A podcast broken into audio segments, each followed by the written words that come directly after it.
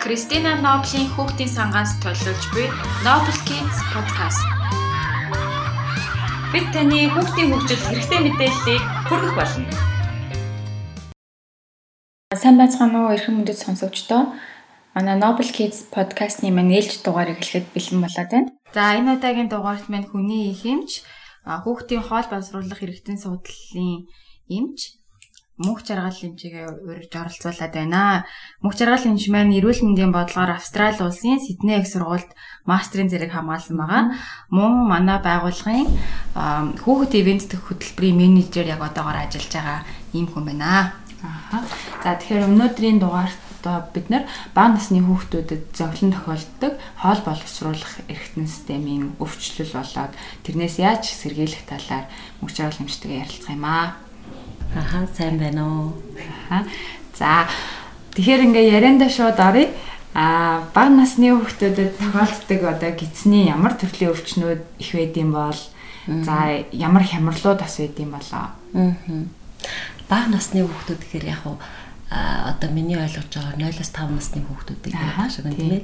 Тийм. 0-аас яг бас улирлын шин чанартай өвчлүүд айгүйх тохиолддог хүүхдүүдэд а ялангуяа бага насны хүүхдүүд маань өөрийн нөгөө ходоод гисний одоо орчин гэж байдаг хүний хоол боловсруулах зам гэдэг нь өөрөөр хэлбэл амны хүндээс ахуулаад одоо бидний хошног хүртэл тийм ээ баас гарч байгаа тэр хэсэг хүртэл бол хоол боловсруулах замыг бол хилдэг. Тэгэхээр тэр замд бол яг хүүхдийн нөгөө нэг бие махбодод одоо маш олон төрлийн одоо нөгөө ашигтай бактери тийм бидний биед ч одоо эрдэмтдийн судал судалснаар бол цөөхөн боловч ерөнхийдөө 1000 гаруй төрлийн тийм нян бактери одоо вирус мөөгөнцөр юу гэдэг тийм тийм төрлийн одоо бичил организмуудад бидний бие махбодод байдаг. Тэгэхээр бага насны хүүхдүүдэд ялангуяа 0-3 насны хүүхдэд одоо тэр бичил орчин бүрэн одоо гүйцэд хөгжөөгүй. Нэгсэндээ бидний дотор чинь бас нэг амьд одоо организм бид нар одоо мөр зэрэгцээ амьдарч ийн гэсэн үг л дээ. Тэгэхээр хөгжөөгүй байдагтай холбоотойгоор одоо хоол боловсруулах замын төрөл бүрийн одоо эмгэггүй зочмог эмгэггүй их тохиолддог л доо. Тэг жишээлх юм бол одоо зуны улиралт ч гэх юм уу тийм ээ одоо яг ингээд мөс хаврын улиралд одоо мөс гисэх цас гисэх ийм үеүүдээр ядгүй гэхээр гизний халдвар төвчний тархалт бол нэлээд нэмэгддэг тийм ээ халдвар төвч. За тэрэнд нь болохоор одоо юу гэдгийг хүмүүсийн хил зайснаар цусан суулгалт гэдэг юм уу салминолиоз гэдэг юм уу тийм. ээ. Одоо баасных нь тоон ошрох шингэн болох баасан цустаа гарах халуурах гэсэн иймэрхүү шинж тэмдгүүдтэй өвчлөлүүд бол нэлээд түгээмэл байдаг. За сүүлийн үед бол ингээд ажиллаж байгаагаар тэр хүчнээс гадна бас энэ төрөлхийн тийм харахаг эмгэгүүд холбоо сурвалж замын эмгэгүүд яг түгээмэл тохиолдох тийм бол ажиллагдаж байна л да. Энэ болохоор юу толботой гэхээр одоо бидний амьдарч байгаа орчин өөрчлөгдөж чинь тийм ээ хотчлт одоо маш их сууршмал хэм маягтай болсон байна хүмүүс. А дээрэс нь бидний одоо идэж ууж байгаа тэр хоолны найрлага маш их хэмжээгээр өөрчлөгдчихсэн байна. А дээрэс нь одоо бас нэг юм хэлэхэд маш олон ээжүүд ингээд нөгөө одоо өөрөөрөө бус кисер хаглаа гэж ярьдаг шүү дээ. C section гэх кисрээр одоо маш их төрөл нэмэгдчихсэн. Эн чинь өөрөө энэ бүх юм чинь өөрөө яадгүй гэхээр хүүхдийн одоо тэр хоол боловсруулах зам үмийн имгээр хэрэг өвчлөхгүй өвчлөхгүй байх уу гэдэг нөлөөжтэй. Жишээлх юм бол хүүхэд одоо одоо сүүлийн үед эрдэмтэд юу гэж өмнө нь бол хэлжсэн хүүхэд одоо ихийнхээ хөвлөд байхдаа л маш ариун байдаг. Тэнд бол ямар ч нянгийн орчин бол байдгүй гэж үздэг байлаа шүү дээ. А тэгтээ сүүлийн үед эрдэмтдүүд юу гэж гарч ирж байна гэхээр хүүхэд юусоо хийхаан тэр одоо умаа сав ертөнцид байхдаа л тэнд тодорхой хэмжээний бичил орчин хүүхдэд ингэ үүсцэн байт юм байна. Тэгээд хүүхэд өөрөө төрөх замаараа хийхаа одоо тэг ингээд төрөх замаараа гэж байгаа шүү. Өтрээгээр ингээд дамжиж төрөхдөө хүүхэд яг тэр маш их хэмжээний бичил битүүдийг өөрлөгөө ингэж авч төрж идэг. Одоо нэгсэн доо хүний бид хэрэгтэй гэсэн үг шүү дээ. Ашигтай ашигтай бактери. Тэгээ ашигтайч байгаа ашиггүй ч байгаа. Яг өдрийн замд ямар бактери нь бүгдийн чинь. Тэгээд хүүхэд төрлөө төрөнгүүтээ яг хүүхэд хөхөө амладаг тийм хөхөө амлангууд дахиад яг хөхний одоо толгой иргэн тойронд байгаа. Тэр одоо нянгуудыг ингэж өөртөө авч тэгээд эн чинь хүн болон одоо ингэж авсаар хагаад одоо тэр бидний биед байдаг тэр нингийн орчин гэдэг маань ерөнхийдөө хүүхдийн 3 нас хүрэхэд хүүхэд одоо насанд хүрсэн хүнтэй дүүцгүүц хэмжээний тийм одоо бактери юм бактеритай босон байна гэж үздэг байхгүй. Тэгээ тэрнтэйгээ холбоотой бага насны хүүхдүүдэд одоо жишээлх юм бол дөнгөж хөхөөрөө хоол хөхөөрөө хүүхдэд чи хоололж гин үү тийм ээ. Энд чинь бүр хамгийн наазах юм аа эсвэл бол одоо нэмэлт зүгээр сүүлийн үед ээжүүд аяг хоололдог гэсэн мэт шүү дээ. Хүүхний сүгээр эсвэл холимог хоолтой ч юм уу хөхөөрөө өнгөжаар болдог. Энэ бүхэн чинь хүүхдэд ирээдүйд хоол боловсруулах замын эмгээр өвдөх эрсдэл байна уу байхгүй юу хэр эрүүл хүн болж хүн болох уу гэдэг юм ерөөсөө төрсэн цагаас эхэлж ингэ сууж байна. Тодорхойлогдох юм шиг. Тодорхойлогдох тийм. Тэгээ сүүлийн үед хүмүүс их ярьдаг болсон л доо гидсний ашигтай бактери пробиотикууд гэж их ярьдаг. Бас ялангуяа пробиотиктой тараг сүү гэдэг хэмжээгээр гадар худалдаалагддаг болсон. Тэгвэл гидсний ашигтай бактери юу гэж юу яг юу юм бэ? Бидний бид хэд хэрэг хэрэгтэй ялангуяа хүүхдэд хэрэг хэрэгтэй энэ төр дэлгүүр зарж байгаа пробиотиктэй тарыг уух нь зөв юм уу буруу юм уу?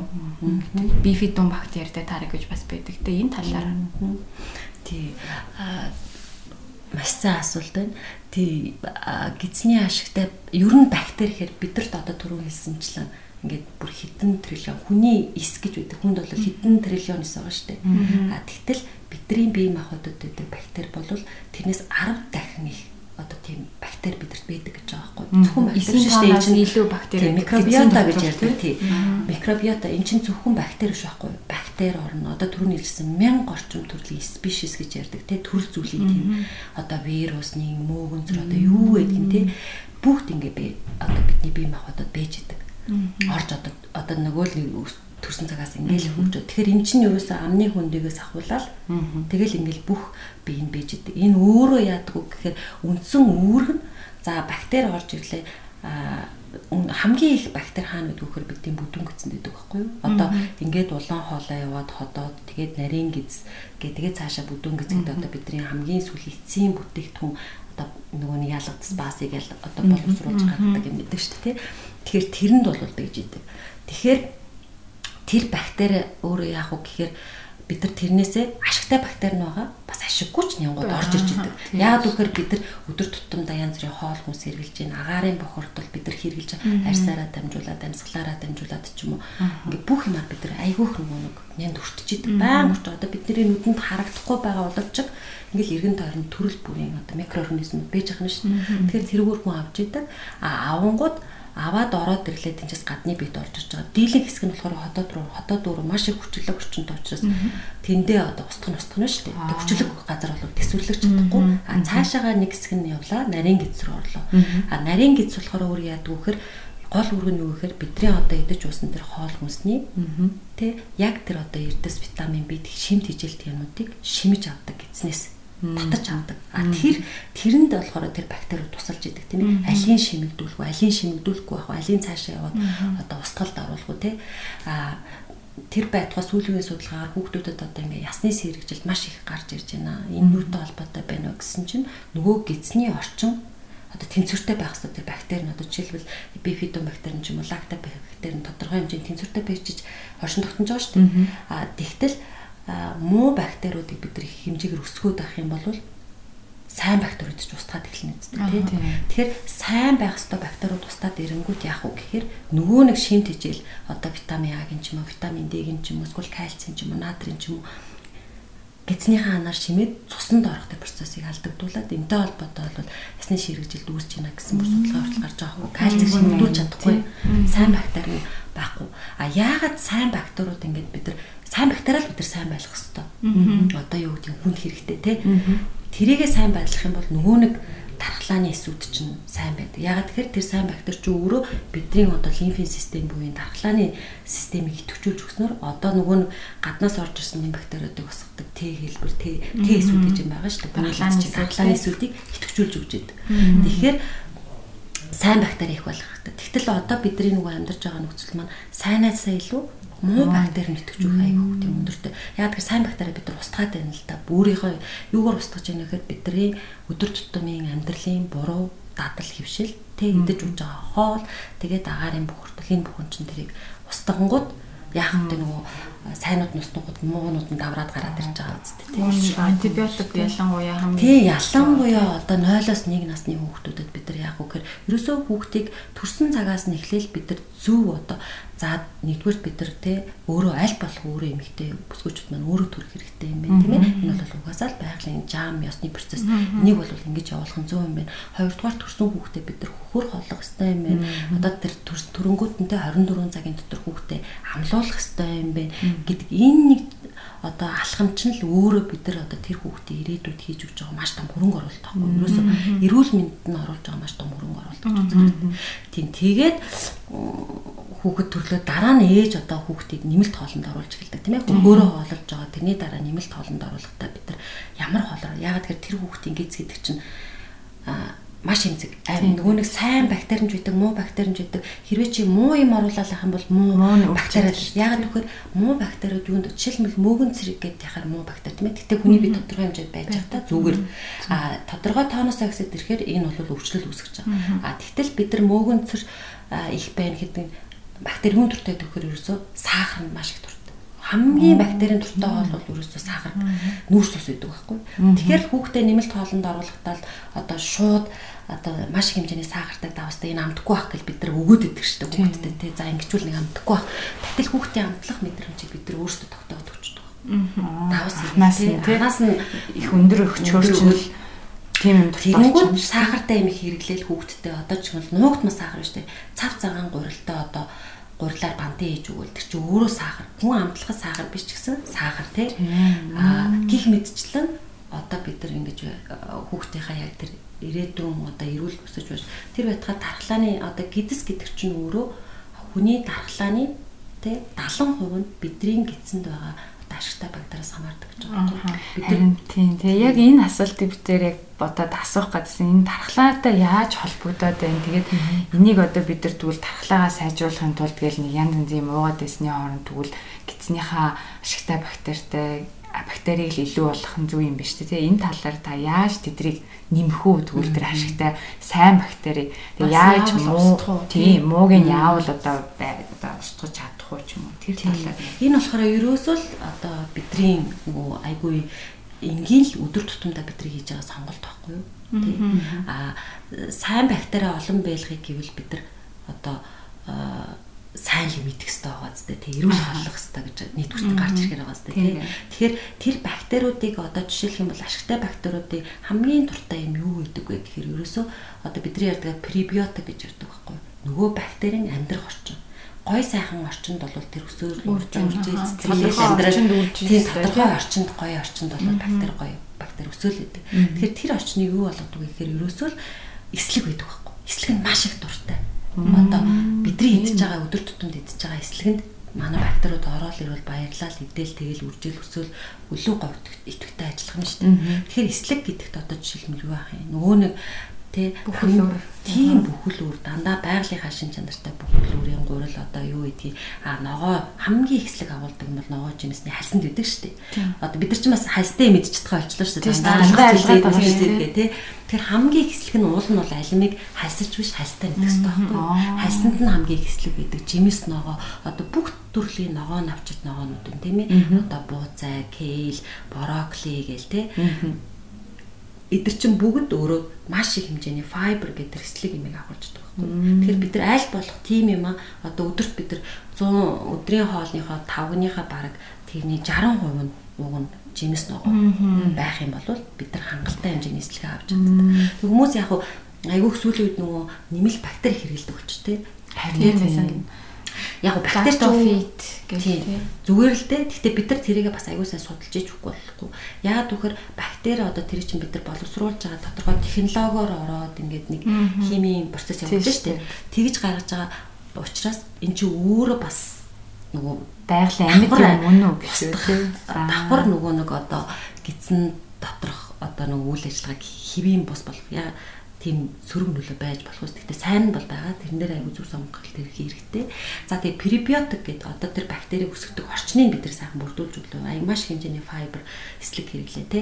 А тэгэнгүүтээ өөрөө бактеритэй хүмүүс гэж бас байна шүү дээ. Маш их хэмжээний. Монголд бол нэг ялангуяа одоо бидний хамгийн их түгээмэл хэрэглэдэг шин одоо бүрсэн тараач байдаг юм уу. Тэр чинь тэр чигээр бактери зүгээр энгийн тараг байсан ч зүгээр юм тий. А органик тараг байвал илүү байх тий. Одоо дээрээс нь сүү цагаан идэ ааруул дээзний Монгол эрдэмтдийн хийсэн судалгаа байсан л да сүү цагаан эдэн дээр хийсэн. Тэрэн дээр болохоор хорхоо ааруул айраг тарганд хамгийн их лактобациллус, элкасе, энэ пробиотикууд агуулгаддаг гэсэн тийм судалгааны үр дүн гарсан байсан л да. Энэ одоо бидний дэлгүүрээс авч хэрэгжилж байгаа тэр юунд одоо хэр агуулгаддаг юм болоо? Энэ дээр яг нөгөө ер нь нөгөө шинээрээ яг одоо энэ ч нөгөө хөрөнгө одоо тийм манай яг уламжлалт аргаар бүрж байгаа тараг бол яг байдаг байхгүй. А дэлгүүрүүдийн тараг болохоор дийлэнх нь нөгөө йогурт яваад байдаг тийм чихэртэй эсвэл янз бүрийн жимсний флевер орсон тийм. А энэний тэр одоо доторх найрлаганд байгаа бактерийн шинжнэр бол бага. Яг тэгэхээр чихэртэйгээ хойлолтол ирэхээр энэ чухал болчихж байгаа. Чихэрэнд чинь нөгөө муу цаагаар чинь өөрөө тий. Тэгэхээр энэ бол тийм юу яг сүүлийн үеийн технологиор одоо энэ активиа ч гэдэг юм уу манайхны витаминтийг үйлдвэрлээд байгаа. Тэр бол тусгай технологиор гаргаад авчихсан тийм одоо бифидобактери ч юм уу лактобактерийг нэмэлтээр оруулсан юмнууд. Гэхдээ яг одоо манай ангины хоормогч гэдэг юм уу тийм ээ яг энэ үйл гэрийн араар бүрсэн.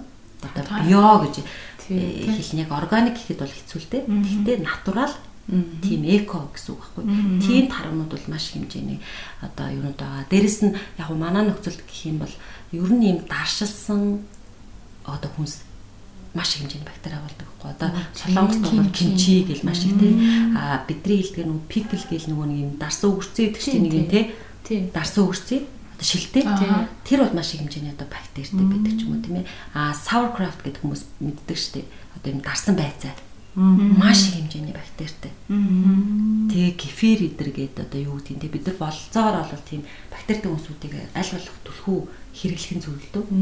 Зөв зөв. Жохон хүүхдэд тэгвэл одоо эхлээд анх одоо бор хоолнд ч юм уу нэмэлт хоолнд оруулах чагаа бол юуг анхаарах вэ тий. Сая ээжийнхаа мөм өгч бол одоо хамгийн анхны хоолн чухал гэдэг чинь тэгвэл юу өгөх вэ хамгийн түрүү тий. Аа. Ерөөсө хүүхдэд хамгийн одоо хоол өгж эхлэх чинь сүүнээс өөр юу ч одоо ороогүй байгаа шүү дээ. Нэг амар ариухан тийм юу байгаа шүү дээ. Тэгэхээр шин юм ингээ орж ирэхэд хүн эсэргүүцдэг байхгүй юу? Аливаа юм гээд шин юм ингээд хүн нэг таатаг хүлээж авдаггүй шүү дээ. Бүх нөхцөлтэй ингээд шинэ юм ороод ирэхэд тэрний үдээс ямар нэг эсэргүүцэл илэрхийлдэг ч юм уу. Тэгэхээр аливаа ингээд хүүхдэд оруулах дээрсөө шинэ юм өгч байгаа. Гэхдээ нэг дор олон төрлийн шинэ юм өгч болдог байхгүй. Тэгэхээр юугаар ч хэлж болно. Аа хүүхдөө ганцхан нэг төрлийн л юм хэлсэн. Одоо чи хүүхдтэй өгчөөл шууд сүтэй каш зурж өгч болохгүй шүү дээ. Тэгэхээр сүү дээрэс нүр тариа хоёр ингээ хоёр төрлийн орчиж байгаа тийм. Тэгэхээр яг уу гэхээр чихний ээлжинд одоо юу гэдгийг зөвхөн үр тариа кашаа найруулгахдаа зөвхөн усан тусгаад өгнө шүү дээ тий. Тэгж өгнө. Нэгдүгээрт нэг төрлийн юмар эхлээд ингээд өглөө нэмээд нэмээд явна. Тэгэхээр хүүхэд тэр чинь хүлээж аваа. За энэ болох юм байна болохгүй. Нөгөө нэг гидсэн дэдэг нянгууд чинь за нэг юм ирлээ шүгэл тэрийг ягаал энэ хэрэгтэй юм байна, хэрэггүй юм байна гэж дотор нь бас тэр чинь програмчлалаа өгч ш. За нэгдүгээрт нэг төрлөөс эхэлнэ. Хоёрдугаарт нь нэг дор хэмжээтэй тасгаж өгнө гэсэн үг шүү. Тэ? Эхнээс нь шууд ингээл таван халбах бол каш өгч болохгүй нь шүү дээ. Найр тэ. Тэрний хооронд өнөөдөр чи нэг алба каш өглөө За хүүхэд тэрэнд ямар нэг одоо чинь хүүхдүүд маш олон төрлийн харшлын юм нэмэгдчихэд шүү дээ бидний орчин нөхцөөс болоод. Тэгэхээр бид нар юунд харшлахыг бас хэлж мэдэхгүй. За яг удмын юм байдаг, ээж аавны юм бол нэг баримжаа байна тийм ээ. Тэгэхээр тэрийгээ нэг төрлийн юм өгч нэг чинь бас энэ хүүхд харшлах нь харшлах нь гэдэг мэдчихэж байна шүү. Тэрэнд тийм ямар нэг яриач зарах юм. За тэгээ хоёрдугаарт нь бага хэмжээгээр өгөөд тасгаж өгөх юм байна. Түүнээс бол эхлэхдээ заавал одоо юу гэдгийг таргаар ч юм уу тий одоо солонгосчууд бол цагаан будаагаар ч юм уу тий тийм байдаг шүү. Нэг төрлийн юм аа хэл. Нэг төрлийн чинь шууд л баг каш ингээл өхөр нэрэ давс сахар. Тий ингээд маш олон төрлийн болж байгаа юм тий. Тий. Тийм. Алтаа. Тэгээд аажим аажим тасгаал. Авах хэрэгтэй. Ер нь бол одоо үнэний сүү өөрөө нөгөө нэг ни одоо задалдаг фермент хүүхдэд харьцангуй. Хүүхэд болон настай хүнд баг байдаг Одоо яг тэрийг ингээд орж ирэхээр нь задлаа цааш нь боловсруулад явуулдаг фермент баг байдаг учраас үнэнээс үг бол одоо нэг тэ 8 сараас хойш тэр хүртэл одоо болж бол кашин сүтээ бити зурж өгч байгаа дангаан бити өгч бол ярддаг. Тийм. Тийм. Бусад төрлийн юмудад тасгаад өгч. Хүүхдүүдэд нэраа хүүхдүүдэд бол гидс дүүрэх шинж тэмдэг айгүй илбэг байдаг. Ээжүүд гидсэн дүүрээд яах вэ? Гэл гидсэн цардаагаал тий шар тосоор тослоод хаалган бигнөр тавиал маш олон янзын арга хэрэгэлдэг. Зөвхөн яриа хөхөд гэлтгүүгээр бага насны хүүхдүүдэд 10 хэд нэг өсвөр насныхаа том хүмүүс ч гэсэндээ ер нь баас хатах бас айгүй илбэг байдаг. Өөрөөсөө баас нь хатаад байгаагаа ч мэдгүй өдөр болгон бийц чадахгүй яваад идэг түгээмэл ажиглагддаг л та манай Монголд ялангуяа. Энэ гидэс дүүрэх баас хатах хоёр дээр ямар зөвлөгөө өгөх вэ? Тий. Энэ ашигтай бактеритай холбоотой юу? Холбоотой. Тий. Гидэс дүүрэх одоо нөгөө түрүүний хэлжсэнчлэн нөгөө бага насны хүүхдүүд нөгөө л нэг одоо нингээ орчин бүрэн гүйцэтгэжээгүй байдаг учраас нэг бол одоо бид нар энэ дэш нэг бодол одоо гидсний тэр дисбиоз буюу дисбактериоз гэж хэлдэг байхгүй одоо гидсний ашигтай бай одоо гидсний орчин байгаа. Тэг яг тэр тэнцвэртэй байх хэвээр бактериуд нь байхгүй бол одоо яг тэр орчин өөрчлөгдөж байгаа тэрүүд нэг бол өтгөн хатна. Нэг бол суулгалт илэрч болно. Нэг бол одоо кивли цаатаж дүүрэн те. Эдгэр чин бүгдөө аль нэг нь шинж тэмдэглэж байгаа байхгүй. Тэгэхээр аль нян нь давмгаа одоо байх ёстойны маань тооны өвзөрсөн ч юм уу яасан чинь те. Эсвэл тэр хүүхэд антибиотик хэрэглэсэн ч юм уу. Ялангуяа та мэдэн штэ хүүхэд антибиотик хэрэглээд уусны дараа антибиотик чи өөрөө тэр э, өвчин үүсгэж байгаа нэг устахаас гадна хүүхдийн гидсэнд байдаг тэр хэрэгтэй ашигтай нэг үүд чинь давхар бүгдийг нь устгахчихж байгаа байхгүй. Тэгэхээр тэрний дараах одоо гаж нөлөө юу гэхээр хүүхдүүд мөнгөн ч юм уу. Эсвэл баасан шингэрээ суулгах гэдэг ч юм уу. Эсвэл бүр өтгөн нотох гад ингээд идэг юм шинж тэмдүүд илэрдэг. Тэгэхээр энэ бол а сүүлийн үед тэр өтгөн хаталт бол маш төгөөмөл болсон. Энэ нь болохоор одоо тэр өөрөө юм эргэх холбоогоор одоо гаш нөлөө үзүүлдэг. За эхнээс нь нэр хүүхэд гидсний ашигтай бактери нь зөрөөд баас нэг хоёр хоног хатлаа. Тэ? Нэг хоног хатлаа. Ялангуяа хүүхдүүд бол бид нар л хэлж за чи суугаад баагаар авихгүй бол яг баас нь тэр доошо тулж очил баас нь хөрөхгүй бол байхгүй шүү дээ. Хүүхэд бол угаасаа л тийм онцлогтой. Нэг өдөр баах гад явдаг. Баас нь хатцсан байдаг. Тэгээ хоёр хоног байхгүй бол угаасаа бүдүүн гидсэн чинь баас их удаан байх тусмал усан шимэгдэл улам авчдаг улам л хатаад байдаг. А тэгээ чи нэг өдөр баахгүй байна Тэгэхээр бас улам хатцсан. Маргааш нь гүүж харяаж тоглож явж байгаа л хүч бас баахан мартчихдаг. Баал гэхгүй. Тэгээ 3 дахь өдөр нь баах гэсэн чинь маш зөөртэй шүү дээ. Хатцсан бас чинь өдөр бүксийн уурын янз болж. Тэгэхээр хүүхэд яд вөхөр хашрах хамшинчтай болчихдог байхгүй. Баахаар бүкс өвднөд юу гэдэг чинь тэгээ баасаа барьдаг болчихдог. А тэгээ баасаа барихаар бариад удаа яваад ирэхээр бидний гидс бол тэлдэг одоо өөрөө ийм гэд чи хям шиг бүтц тогтолцоод байна шүү дээ. Тэрнийхээ тусламжтайгаар ингэж хөдөлж мушгичээж тэр баас ич гүйж гаргаж байгаа. Удаан хугацаагаар хатаад тахаар тэр гидсний тэр хям шиг нуглаас хэсэг нь байхгүй бол тэнийчгээр бүр арах хөвгдөг хаталтанд очдог юм. Тэгэхээр бид нар тэр нэг хүүхдээ нэгдүгээр баахтай өдөрт өдөр болгон өдөр болгон баах хэрэгтэй. Хүүхдүүд бол өдөрт бүр 2 удаа баах хэрэгтэй. Ер нь том хүн ч гэсэн 2 удаа бааж ивэл энийг бол нормал гэж үзэж байгаа байхгүй. А тэгтэл бид нар чинь одоо бүр 7 11-оор баагүй тэгээд бараг нэг тий хэвээ юм шиг үзэл болсон явж байгаа шүү дээ. Тийм ерөөсөө байж болохгүй. А хүүхдүүд төр бид нар тэр нь нэгдүгээрт нь хүүхдэд дадал зуршил суулгах хэрэгтэй. Яхаар альва нэг үйлдэл хүн яг тодорхой цаг хугацаанд хийгээл хахаар тэр нь зуршил очдог шүү дээ. Одоо чи өглөө босоод нэг ус уучаалж олон суугаад баадаг бол яг тэр маргааш өглөө нь буцаад нэг баам мэдрэмж төрдөг шүү дээ тий. Яг тэрнтэй адилхан хүүхдийг тэгэж татал суулгах хэрэгтэй. А хоёрдугаарт нь хүүхдийнхаа тэр хоолтон дээр анхаар бид нар хэр их эслэг өгч чинь тий. Хүүхдүүд ерөнхийдөө тэр нэг ногоо жимс багаддаг шүү дээ. Манай Монгол хүүхдүүд юу тий. Мах гурил идэв. Мах гурил идэв. Дандаа нөгөө нэг тийм аав талах. Тий. Тэгэхээр чи нөгөө эслэг байхгүй учраас эслэг чи өөрөө орж эслэг ямар үүрэгтэй юм гэхээр хүнд ороод ерөөсө шимэгдэхгүй Хүний бие шимэгдэхгүйгээр л одоо гизэг өргөжүүлж гаргадаг чи эслэг байхгүй. Хүний бие юун шимэгдэхгүй шүү дээ эслэг. Тэгэхээр тийм эслэгийг бид нар одоо яг өдөр тутамдаа хүүхдэд өгч чадчихэв үү? Тэ хангалттай. А ээжүүд болохоор за яг нэг айлын мэдсэн. Ер нь бидний авах хэвээр ногоо жимсний хэмжээгээр бидний одоо бараг 5-ны 60-аас 60% байж хүн эрүүл мэнд гэж үздэг байгаа байхгүй. Тэгэхээр тэр хэмжээний ногоо жимс хүн идэх боломж манай зүг шүү дээ. Тэгэхээр ямар аргаар өгч болох уу? Одоо жуус хэлбэрээр өгөх юм уу те? Жуус хэлбэрээр өгөх юм бол одоо бид нар илүү хэмжээний л нөгөө гэтээ юу гэхгүй шүү дээ. Дэлгүүрийн нөгөө нэг 100% жуус биш шүү дээ. Тэр чинь өөртөө өөртөө одоо шүүсээ ихтэй шаагаад ихтэй шаагаад блендердэг юм уу тий. Эсвэл бол одоо смути болгож өгөх юм. Эсвэл бол жуусээрээ өгөх юм бол илүү их одоо бидний ходоод гэсэн ачаалал багтаа. Жуус ч яагаад тэгэхээр бид нар тэрийг яах тийм задлаж ажиллахгүй шүү дээ ажиллахгүй. Тэгэхээр ачаалал багтаа мөртлөө одоо нэг дор их хэмжээний шин төжил авах боломжтой ч гэдэг. Тэрэн дээр энэ ашигтай бактерийн хувьд одоо өдөр таах нормал хэмжээ гэж байдаг. Хүн ер нь өдөр заавал нэг тийм хэмжээний ашигтай бактери орсон хүнсний бүтээгдэхүүн ёстой ч юм уу эсвэл 7 хоногтой ч юм уу те. Хүмүүс ер нь энийг яаж мэдэх үү? А мэдхэд бол яг одоо жишээлх юм бол шууд ингээл за миний одоо би түрүүлсэн шүү дээ. Хүний бие одоо судлагдсан цөөхөн судлагдаагүй одоо мянган төрлийн одоо юм бактери байгаад байгаа шүү дээ. Тэгэхээр бидний илрэх одоо яг шинж тэмдгүүд гэвэл одоо нөгөө чиний ерөөсөө чамд ямар зөвөр шаналгаа байна гэдэг чинь нэгдүгээр. Хоёр Жишээлх юм бол одоо гидсний дисбактериосын шинжгээр төрөний нүгээс нь суулгах юм уу эсвэл гидс чинь дүүрээд байна уу хоорчин шингэхгүй байна уу өтгөн чинь хатаад байна уу амнаас чи юу нүртэд байна уу дотор муугар одоо юу гэх тийм те хоол боловсруул зам юм гэхгүй байна уу эсвэл бол чи ядар сүлтаад байна нөгөө гидсний бактери ч өөрөө тархлаатай холбоотой учраас чи ойр ойрхон ханаа том хүрээд байна уу яагаад тийм те энэ бүхнээр бид нар одоо бас урьдчилан баримжаа авах боломжтой. А хоёрдугаарт нь яг нөгөө нэг баасанда бид нар шинжилгээ өгч болно. За нэг одоо бидний ашигтай бактерийг тодорхойлдог тийм шинжилгээ байдаг л да дисбактериозын шинжилгээ. Гэтэ тэр нь болохоор цөөхөн хэдэн төрлийн л одоо ашигтай бактерийг бид тодорхойлох боломжтой. А өдөр таах хэвээр тун гэсэн заас юм бол байхгүй. Бид нар өдөр тутам таах хэвээр. Ихтэн гэж байдаг уу?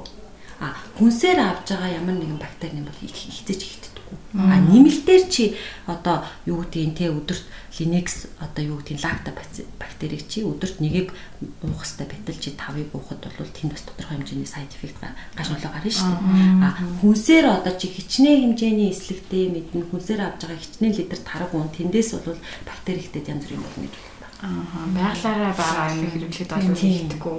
Тэгэхээр яг тийм тун гэж бол байхгүй. Аа. Заавал авч явах хэрэгтэй. Өдөр болгон авах хэрэгтэй бидний одоо хоолны нөгөө пирамид нэг авах хэрэгтэй байна шүү дээ. Үр тариа нь хэдэн үеийн тэгээ нүүрс ус нь хэдэн үеийн одоо юу гэдэг өөхт ус нь хэдэн үеийн гэ тэ. Тэрэн шиг өдөр тутамд авах хэрэгтэй. За энэ нөгөө яг битээр энэ нөгөө нэг ашигтай бактерийн талаар илүү сайн хүмүүст хэлж өгье гэл одоо айгүйх амар одоо түгээмэл сэдв болчлаа шүү дээ зураг дээр гал одоо таргууд дандаа ашигтай бифидо ямар ямар юу вэ шүү гэж рекламадад.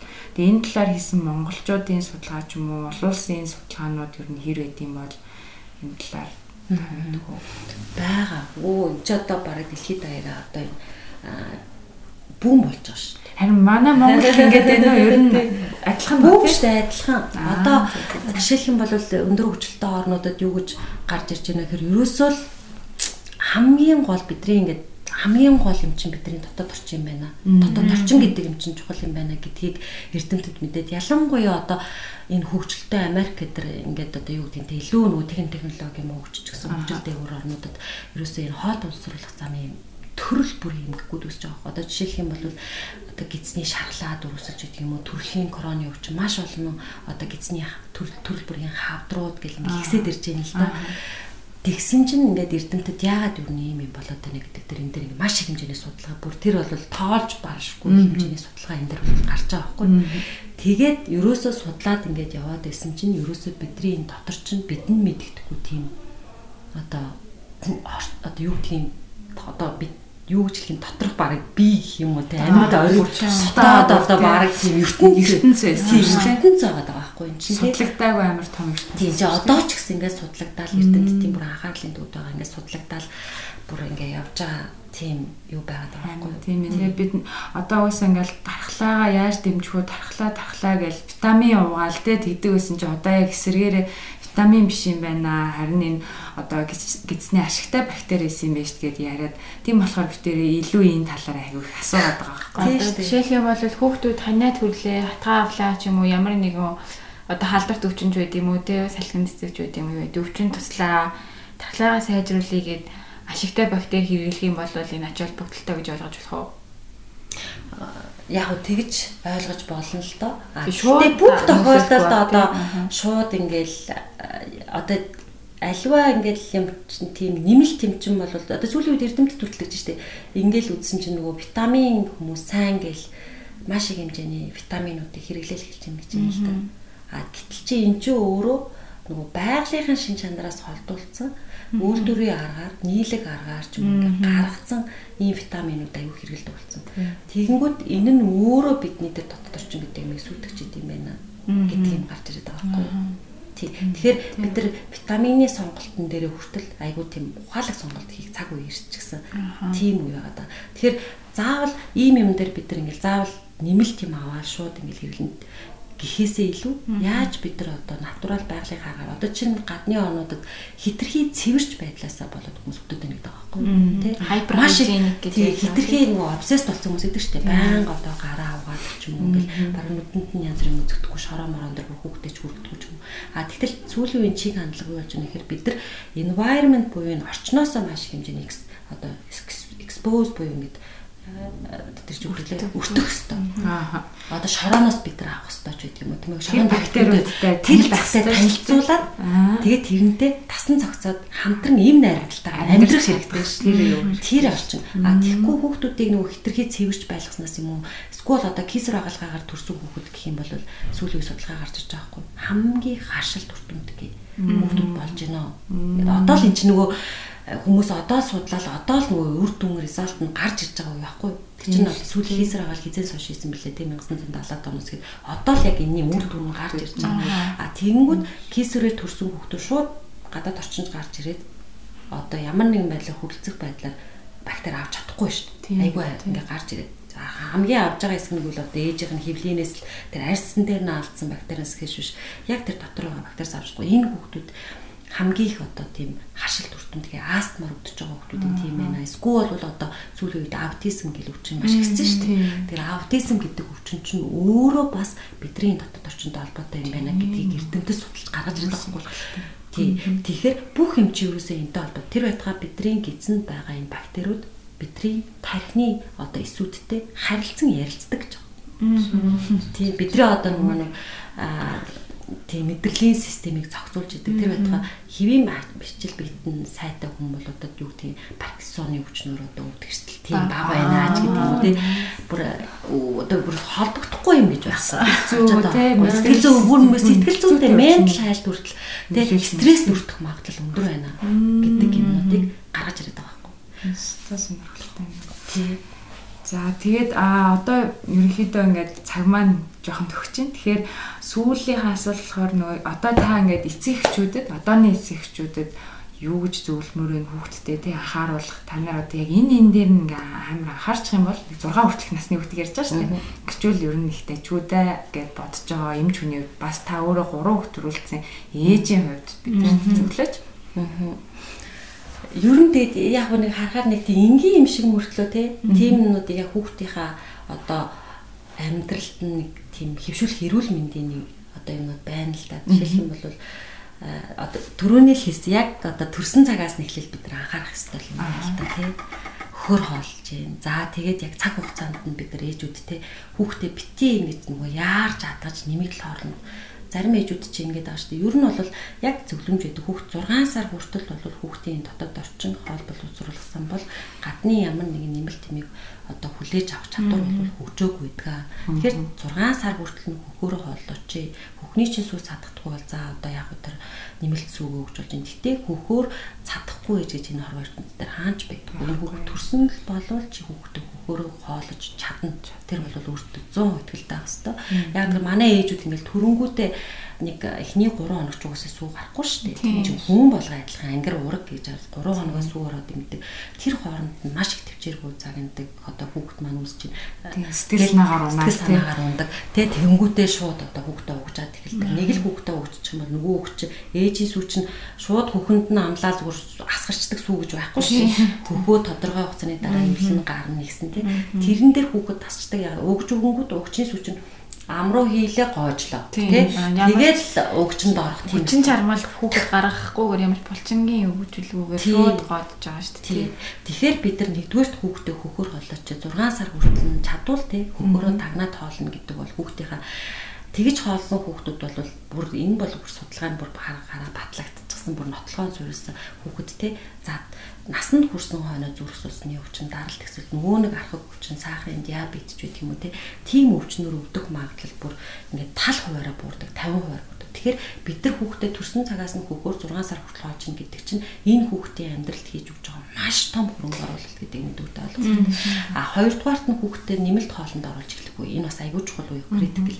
Тэгэхээр энэ үд нь яарч чадахгүй 4 сар хөрөнгүүд нь л те одоо өсөж ин хүүхэндээ чадахгүй. Ингээл нэмэлт хоол авч болохгүй. 6 сар хүртэл зөвхөн хүүхөөр хоолол хүүхний сүү бол хүүхний чинь амны цангаагч тайлна.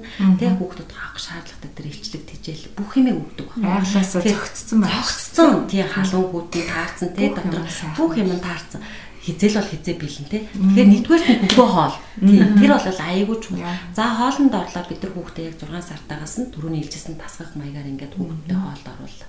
За 3 дугаарт нь бол бид нар хүүхдтэй бас юу яах хэрэгтэй.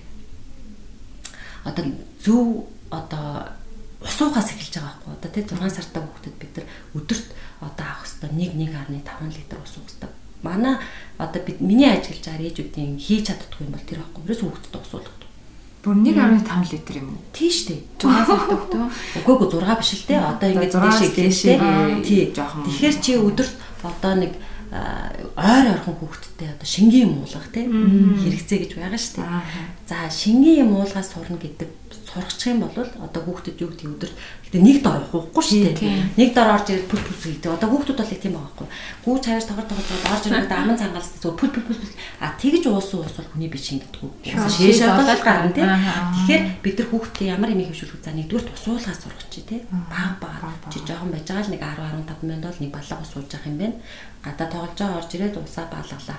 За энийг бид нар амьдралд нь хөвшүүлчих юм бол энэ өөрөө энгийн мөртлөө одоо маш чухал юм байхгүй юу. Тэгэхээр одоо хүний биеийн 70% нь ус энэ төр гэж ярьдаг шүү дээ. Бүгд бол бараг 80 90% ус ууж шүү дээ. Тэгэхээр тэр усны хэрэгцээг бид нар нөхч. Яг тэр ис болгон бидний энэ дотор байгаа тэрлээ ис болгон ч ус уснаас тогтчихдаг байхгүй юу. Тэгэхээр усны үсгэл нь бид нар оруулахгүй. Тэгэхээр нэгдүгürt нь ус уух хэрэгтэй байна. За хоёрдугаарт нь бид нар хүүхдүүдтэй одоо ч бүр хэцүү болсон шүү дээ. Нөгөө маш их буруу болтой болсон. Одооны хүүхдүүд чинь. Тий. Дандаа нөгөө нэг хагас боловсруулсан пицца одоо та хүүхдийн тархалт маш их байгаа шүү дээ. Харин пицца. Тэгэхээр нөгөө нэг бидний гидсэнд байдаг нөгөө аим шиг нөгөө муу бактериуд чинь зүгээр тэрийг оруулах хэрэг баярлал хүлээгээд авна шүү дээ. Баярлалаа гэж хоол хоол юм чи яах юм? Нүс сахар штэ. Пицца нүс сахар, тал сахар байхгүй. Тэгээ пицца нөгөө нэг бүүргэр скол бол одоо юу гэдгийг тийм тэнцвэртэй бас хооллолт байгаа юм л да. Тэрэн дээр нь бид нар багаас нь сургаж өгөө те. Хүүхдүүдтэй одоо чиний гой ингээ тавгчин одоо ээж л хүний хийх ажил та. Тэ гой өнгийн тавгт одоо гоё алгалах нь биш үү тавг нь бол тэ хизээч одоо нэг хар цагаан хоёр өнгө байж болохгүй л байхгүй. Тэ мах тэгээ цагаан будаа гурил тий тийм биш болохгүй бантан тавгийг бол тий бандан бол одоо бид нар баяжуулж баяжуулаад одоо луувн ч юм уу ред ч юм уу. эсвэл тэр нөө цагаан гурилаас татгалзаад арай өөр гурил хийх тий хоёрдугаар нэгдүгээр гурил хийхэд л болчихж байгаа байхгүй. Арай нэг тэр чин бүр цагаан гурил бол бүр дээд зэргийн болов дээд гурил бол бүр дээд зэргийн боловсролтод ороод бүх шин тэжээлийн шүүж аваад тэгээ гаргаж ирж байгаа юм шүү дээ. Нүл одоо цагдуул тий. Тийм. байгаа шүү дээ. Тэгэхээр бид нар банданд нь за болийн 1-р гурил 2-р гурил хийчлээ. Дээрэс нь жоохон масли сайн чанарын зүсгийн тосныг халбай хийлээ. Маш сайн чанарын тосыг хүүхдэд идүүлж байгаа хэрэгтэй. Одоо хүүхдүүд өсөө хүүхдэд сэтгэлж ш. Харин тийм. Тэгсэн энэ муу хүүхдэд сэтгэдэг. Муу хүүхд тос нь юу вэ гэхээр нөгөө бүргэрний тосцсон транс тос шаардсан шаарчин транс тос тий. Шараад 100 градусаас дээшээ халлаа наран цэцгийн тос бол тэгээ шууд транс тосхгүй. Тэгэхээр бид нар шарсан хүмүүс дандаа л тийм шат тусаж шарж байгаа. Тэгэхээр бид нар сайн чанарын тусыг нэдүүлэх хэрэгтэй. Тэрэнд нь одоо яг бандангийн хөхтөө нэг бодол шар тус өгч болно. Шар тусыг бол 6 сартаагаас өгч болно шүү. Маш сайн G oil гэдэг одоо бол дэлхийд алдартай шар тус шиг гайхамшигтай минь байхгүй болж байгаа шүү дээ. Гадныхан ч одоо омега өдр гэл ингэдэг. Тэр чинь манад чинь шар тус байна, сүүл байна. Сүүлний тус тий. Энэ хоёр хамгийн сайн. Тий. Тэгээд тийм таснуудаа өгөөд байхад юу н тэр омега шүү дээ. Юу нь бол тэр чи одоо судлаад гадныхан хүртэл судлаад бүр тэгээ манад чи бэлчээрийн малын шат тус гэж байгаа. Тэр чин гадна очиод одоо үзэх юм бол grass feed тэ grass feed гэдэг нь болохоор бэлчээрийн малын G oil одоо ги гэхээр бүр амар үнэтэй асар үнэтэй. Тэр бол дээд зэргийн супер хүнс байхгүй юу? Супер хүнс. Тэг чин бид нар тийм боломж байна те. Тэгэхээр бид нар ингээд ээжүүд ингээд яадаг л да ингээд зөв хоол нь гэхээр амар ингээд тэр бол их хүнтэй. Бид нар бол амжиргаа одоо айгүй хэцүү энэ бол боломжгүй те. Тэгтэл чин бид нар зүгээр л одоо шар тассан хөхөд тийм үнэтэй биш шүү дээ Монгол бас боломжтой олж чинь сүүлийн тас боломжтой олж чинь за маасл гэд маш сайн сандрын тосуудыг өгөх юм бол хүүхдийн тархины хөгжилд бол маш сайн байдаг ч юм уу тий. Тэгээд одоо хоёрдугаар гурлаа өгөхөд нэх мөнгө орохгүй шүү. Хоёрдугаар үр чинь бүр хямдхан. Тий, орон хямдхан байсан тий. Тий, дээд гурлаас хямдхан шүү угаасаа нэг хоёр. Тэгээд одоо obvious байдаг юм уу тий.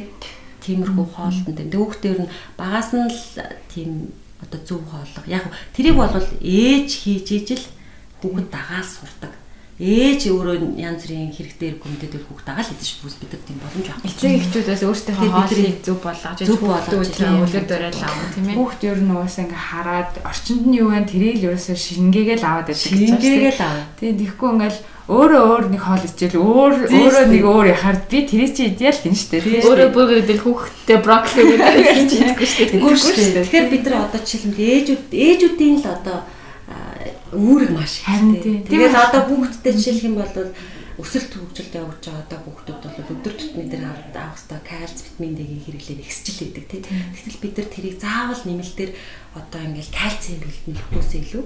Кальц авуусан хэмээн одоо юу гэдгийг ясны шүл гараад өгөлдөө. Бандангийн ясны шүлэн тэгээд өгөлдөө. Тэгэх юм бол тэр хүүхдэд одоо юу гэдгийг кальцийн дутагдал өртөг ч юм өрсөлдөл багс чинь тэг чин тэр чинь амар хэмдэг 2000 төгрөг кальц аваад биш кальц гинэ яс аваад буцлаа шүлэнд нь нэгээд өгөх бол тэр бол зүгээр дэлхий дээр байхгүй супер хоол болж байгаа. Байхгүй гиг мэтлэн хямдхан зардлаар тийм байна. бид нар тэр хүүхдийнхаа өдөр тутам хэрэгтэй шинжиж хэлэх боломж байгаа зү тийм байна. Ер нь уламжлалт Монголынхаа уламжлалт цагаан эдээ тэгээ нэг одоо тэр малын гоё шимтгэлтэй яс шүл энэ төр бол ерөөс аюу чухал чухал. шүү дээ.